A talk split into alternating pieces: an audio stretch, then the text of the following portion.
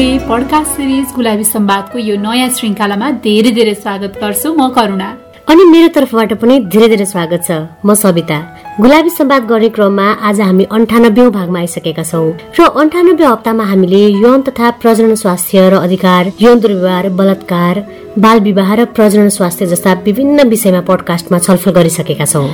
र आजको एपिसोडमा भने हामी केही हप्ता अघि हामीले छलफल गरेकै विषय अर्थात् चाडबाडमा हुने यौन दुर्व्यवहारको बारेमा चाहिँ छलफल कुराकानी गर्दैछौँ।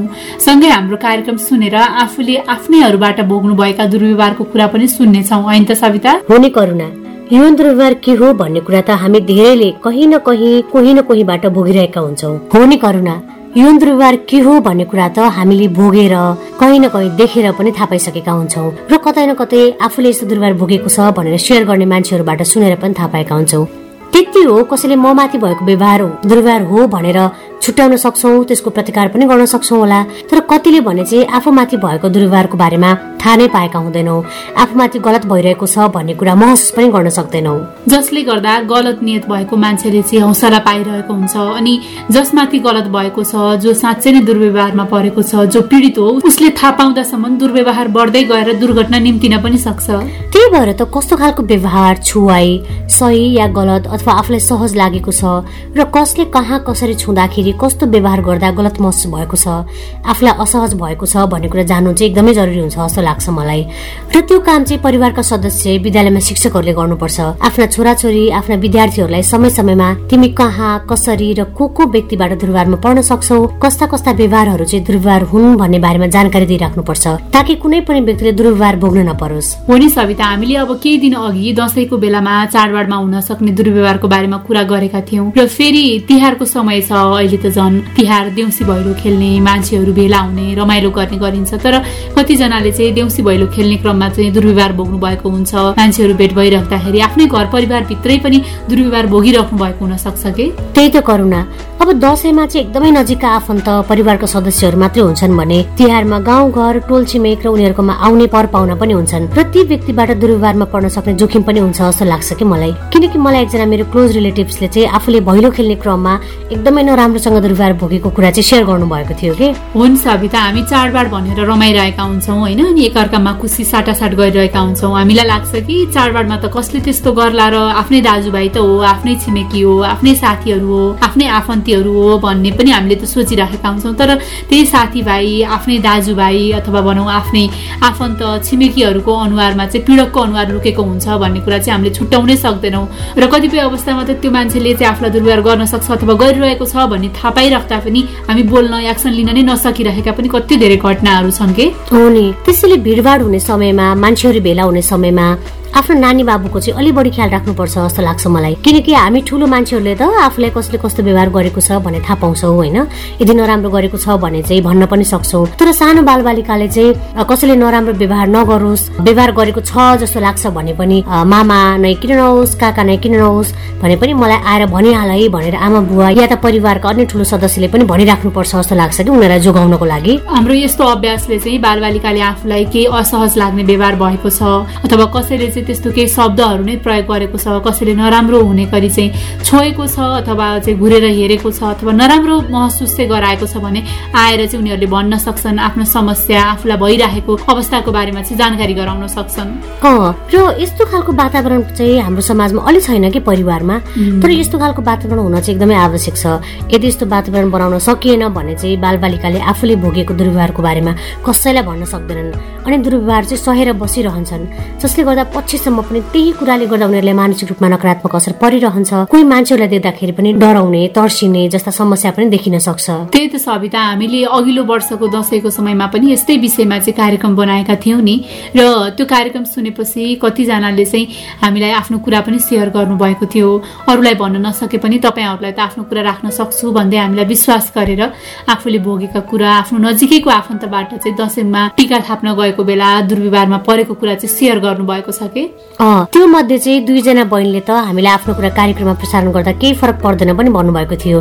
त्यही भएर हामीले उहाँले भन्नुभएको कुरा आज तपाईँलाई पनि सुनाउँदैछौँ। र उहाँले सेयर गर्नुभएको आफ्नो भोगाई चाहिँ हाम्रै टिमको साथी सरिताले पढेर सेयर गर्नुभएको छ। बरु अहिले चाहिँ सरिताकै कुरा सुनाउ नमस्ते मेरो घर बुटोल हो। मलाई आफ्नो नाम भन्न त्यति सहज लागेन। कुरा अघिल्लो वर्षको दसैँको हो। मेरो फुपूको ज्वाइँ उहाँ मेरो भिनाजु पर्नुहुन्छ। मेरो घरमा टिका लगाउन आउनु भएको थियो। मेरो घरमा भान्जा भान्जीलाई एकदमै मान गर्ने चलन छ। त्यसमाथि उहाँ त भान्जी ज्वाइँ हुनुभयो। उहाँ टिका लगाउन आएदेखि नै बुबा मम्मीले भिनाजुलाई के चाहिन्छ पहिलो पटक मामा घर आउनु भएको उहाँलाई अप्ठ्यारो लाग्ला त त साली होस् तसँग कुरा गर्न सजिलो हुन्छ। त्यही भएर भिनाजुलाई के चाहिन्छ ख्याल गर है भनेर भनिराख्नु भएको थियो। मैले पनि मम्मीले भने जस्तै भिनाजुलाई असहज नहोस् भनेर कुरा गर्ने आफन्त चिनाउने गरिरहेकी थिएँ। टिका लगाइसकेर हामी एकछिन तास खेल्न थाल्यौँ। माहौल एकदमै रमाइलो थियो। त्यत्तिकैमा भिनाजुले मलाई निन्द्रा लाग्यो सुत्ने व्यवस्था कता छ भनेर दिदी अर्थात् उहाँकी श्रीमतीलाई भन्नुभयो। दिदीले जात नानी भिनाजुलाई कोठामा लगिदिए भन्नुभयो। अनि मैले भिनाजुलाई उहाँहरूको लागि ठिक्क पारिदिएको कोठामा लगिदिएँ। भिनाजुलाई ल भिनाजु आराम गर्नुहोस् है भनेर म कोठाबाट निस्कनै लागेकी थिएँ। त्यही बेला मलाई च्याप्प समातेर उहाँले तान्नुभयो। अनि तिमी किन यति सेक्सी छौ तिमीलाई देख्दा म सबै कुरा बिर्सिन्छु भन्दै मलाई बेसरी हक गरेर किस गर्न थाल्नु भयो अनि मेरो प्राइभेट पार्टमा हात लैजानु भयो म चिच्याउन खोज्दा मैले केही गरेको होइन। भनिदिन्छु तिम्रै बेजत हुन्छ भनेर मलाई उल्टै धम्काउनु भयो। मलाई एकदमै नराम्रो लाग्यो। उहाँको हातमा टोकेर सबैलाई भनिदिन्छु भनेर म बाहिर निस्केँ तर बाहिर आएर कसैलाई केही भन्नै सकिनँ। टाउको दुख्यो भनेर आफ्नो कोठामा गएर बेसरी रोएँ। तपाईँहरूको पडकास्ट सुनेपछि यति लेखेर पठाउन सके मन अलि शान्त भयो। सायद मेरा लागि अबका दसैँ उत्सव हुँदैन होला। नमस्ते मेरो नाम आस्था हो। मेरो घर सल्यान।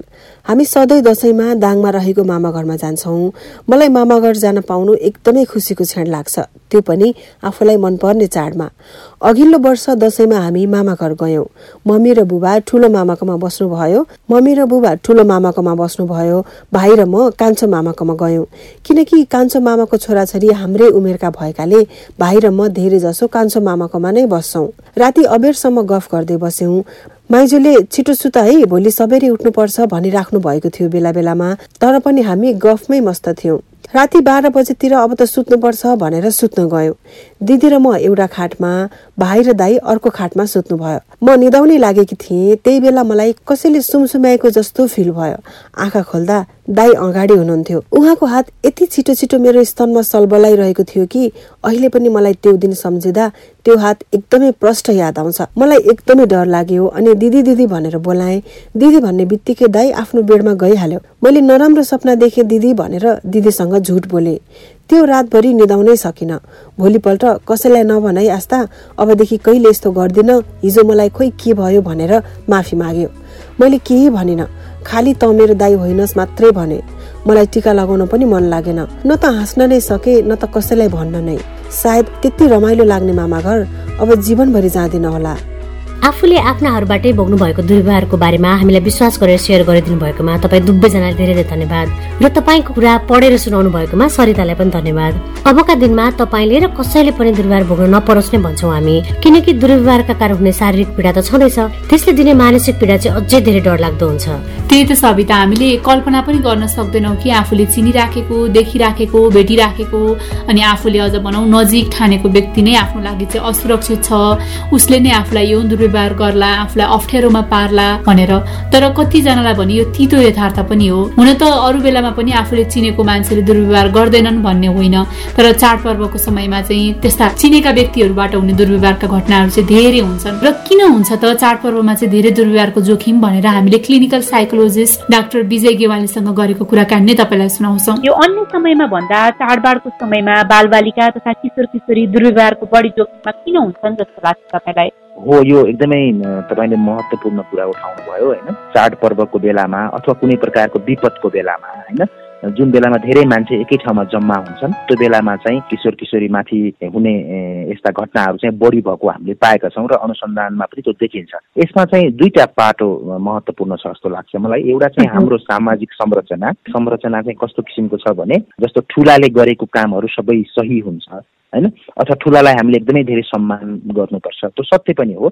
तर कहिलेकाहीँ चाहिँ त्यो सम्मान गर्ने क्रममा चाहिँ उनीहरूबाट हुने हिंसालाई चाहिँ भन्न नसक्ने किसिमको हाम्रो संरचना छ होइन? हाम्रो पारिवारिक संरचना हाम्रो सामाजिक संरचना छ। त्यो कारणले गर्दाखेरि फेस्टिभलमा यस्ता घटनाहरू बढी हुन्छन् किनकि परिवारका धेरै सदस्यहरू जम्मा भइरहेका हुन्छन् होइन? त्यो एउटा पाटो भयो। अर्को चाहिँ यो मैले पछिल्लो समय देखेको एउटा अर्को महत्त्वपूर्ण पाटो के भने हाम्रो घरको बनावटले पनि त्यसलाई सहयोग गरिरहेको मैले देखिरहेको छु। जस्तो हाम्रो घरको बनावटमा कस्तो हुन्छ भने किशोर किशोरीहरूको लागि सेपरेट रुम चाहिन्छ अथवा कोठा चाहिन्छ भन्ने किसिमको मानसिकता छैन। उमेर पुगिसकेको व्यक्तिहरूको लागि चाहिँ उनीहरूको आफ्नो गोपनीयता हुन्छ होइन उनीहरूको आफ्नो किसिमको सोच हुन्छ। त्यो सोचको आधारमा उनीहरू छुट्टै बस्न मन पराउँछन् अथवा छुट्टै कोठामा रहन चाहन्छन् भन्ने किसिमको हो खासमा चाहिँ होइन हामीले मनोवैज्ञानिक रूपमा हेर्दाखेरि चाहिँ। तर हाम्रो घरको बनावटमा चाहिँ त्यस्तो नभएर किशोर किशोरीहरू बस्ने कोठा जुन हुन्छ त्यसैलाई चाहिँ पाहुनाको कोठाको रूपमा अथवा होइन चाडपर्वको रूपमा चाहिँ उनीहरूको कोठालाई चाहिँ कमन रुमको रूपमा प्रयोग भइरहेको मैले बढी देखिरहेको छु। त्यो हुँदाखेरि पनि हिंसामा परेका केही घटनाहरू चाहिँ मैले प्रत्यक्ष आफैले काउन्सिलिङ गर्ने क्रममा पनि त्यो भेटेकोले चाहिँ यो दुइटा हाम्रो सामाजिक संरचना र हाम्रो घरको बनावटले पनि त्यस्तो घटनाहरू बढी भएको हो कि जस्तो मलाई लाग्छ। जस्तै यहाँले भनिहाल्नुभयो अब कतिपय अवस्था हाम्रो पारिवारिक संरचना होइन घरकै बनावट विभिन्न कुराहरू अनि सानो बच्चाको कुराहरू नै नसुन्ने कारणले गर्दाखेरि पनि यस्ता घटनाहरू चाहिँ भइराखेका हुन्छन् र यस्तो घटनाले गर्दा बालबालिकाले आफूले भोगेको दुर्व्यवहार पनि परिवारका सदस्यसँग चाहिँ भन्न सक्दैनन्। तर हामीले कस्तो खालको वातावरण चाहिँ सृजना गर्न सक्यौँ भने चाहिँ उनीहरूले आफूले दुर्व्यवहार भोगेको छु भनेर आफ्नो परिवारसँग भन्न सक्छन् होला। र परिवारले चाहिँ उनीहरूले भनेको अवस्थामा कस्तो रोल प्ले गर्न सक्छ? अब यसमा चाहिँ दुईटा पाटो भयो। एउटा चाहिँ किन भन्न सक्दैन भन्ने पाटो भयो र त्यो भन्न सक्ने वातावरण कसरी हामीले सिर्जना गर्न सक्छौँ भन्ने बाटो भयो होइन? किन भन्न सक्दैन भन्ने कुरामा अलिकति हामीले अघि नै चर्चा गऱ्यौँ होइन? लज्जाको कुरा हुनसक्छ आत्मग्लानीको कुराहरू हुनसक्छ होइन? अथवा मलाई विश्वास गर्दैनन् कि भन्ने कुराले चाहिँ परिवारभित्र त्यस्ता विषयहरू छलफल गर्न सक्दैनन् किशोर किशोरीले। हामीले सधैँ के बुझ्नु पर्यो भने ती चिजहरू चाहिँ मैले अघि नै भने लज्जा आत्मग्लानी होइन? अथवा विश्वास गर्दैनन् भन्ने कुराहरूको जुन किशोर किशोरी अवस्थामालाई चाहिँ त्यस्तो किन त्यस्तो अनुभूति हुन्छ भन्दाखेरि चाहिँ विशेष गरी हामीले दिइरहेको अभिभावकत्वभित्र चाहिँ त्यस्ता चिजहरू त्यस्ता कम्पोनेन्टहरू चाहिँ हुन सक्छन् जसले गर्दाखेरि उनीहरू हामीसित खोल्न सक्दैनन्। त्यसलाई चाहिँ हामीले विभिन्न प्रकारले हेर्न सक्छौँ। जस्तो अरू घटनामा अरू हाम्रो समाजमा त्यस्ता घटना घटिरहेका हुन्छन् होइन? त्यो घटनाको बारेमा हामीले परिवारभित्र कतिको छलफल गर्छौँ? र छलफल गर्ने क्रममा चाहिँ हामीले कस्तो किसिमको कम्युनिकेसन गरिरहेका हुन्छौँ जस्तो कतिपय घटनाहरू सार्वजनिक पनि भइरहेका छन् पत्र पत्रिकामा आइरहेका छन् मिडियामा आइरहेका छन् होइन? त्यो घटनालाई हाम्रो परिवारले कसरी हेरिरहेको छ? परिवारभित्र त्यो घटनाको बारेमा हामीले कस्तो विचार सम्प्रेषण गरिरहेका छन्। त्यो कुराले पनि किशोर किशोरीलाई चाहिँ वातावरण बन्नलाई सहयोग हुन्छ। कहिलेकाहीँ कस्तो हुन्छ भने परिवार बाहिरका त्यस्ता घटनाहरूमा हाम्रा सोचहरू अलिकति सङ्कुचित हुन सक्छ। अथवा त्यसमा चाहिँ प्रभावितहरूप्रतिका विचारलाई चाहिँ भन्ने शब्दहरू चाहिँ नराम्रा हुन सक्छन्। जसले गर्दाखेरि किशोरी किशोरीलाई के लाग्न सक्छ भने ओहो अरूको कुरा मात्रै मेरो परिवारले यस्तो सोच्छ भने मैले भने भने त झन् कसरी पत्याउला?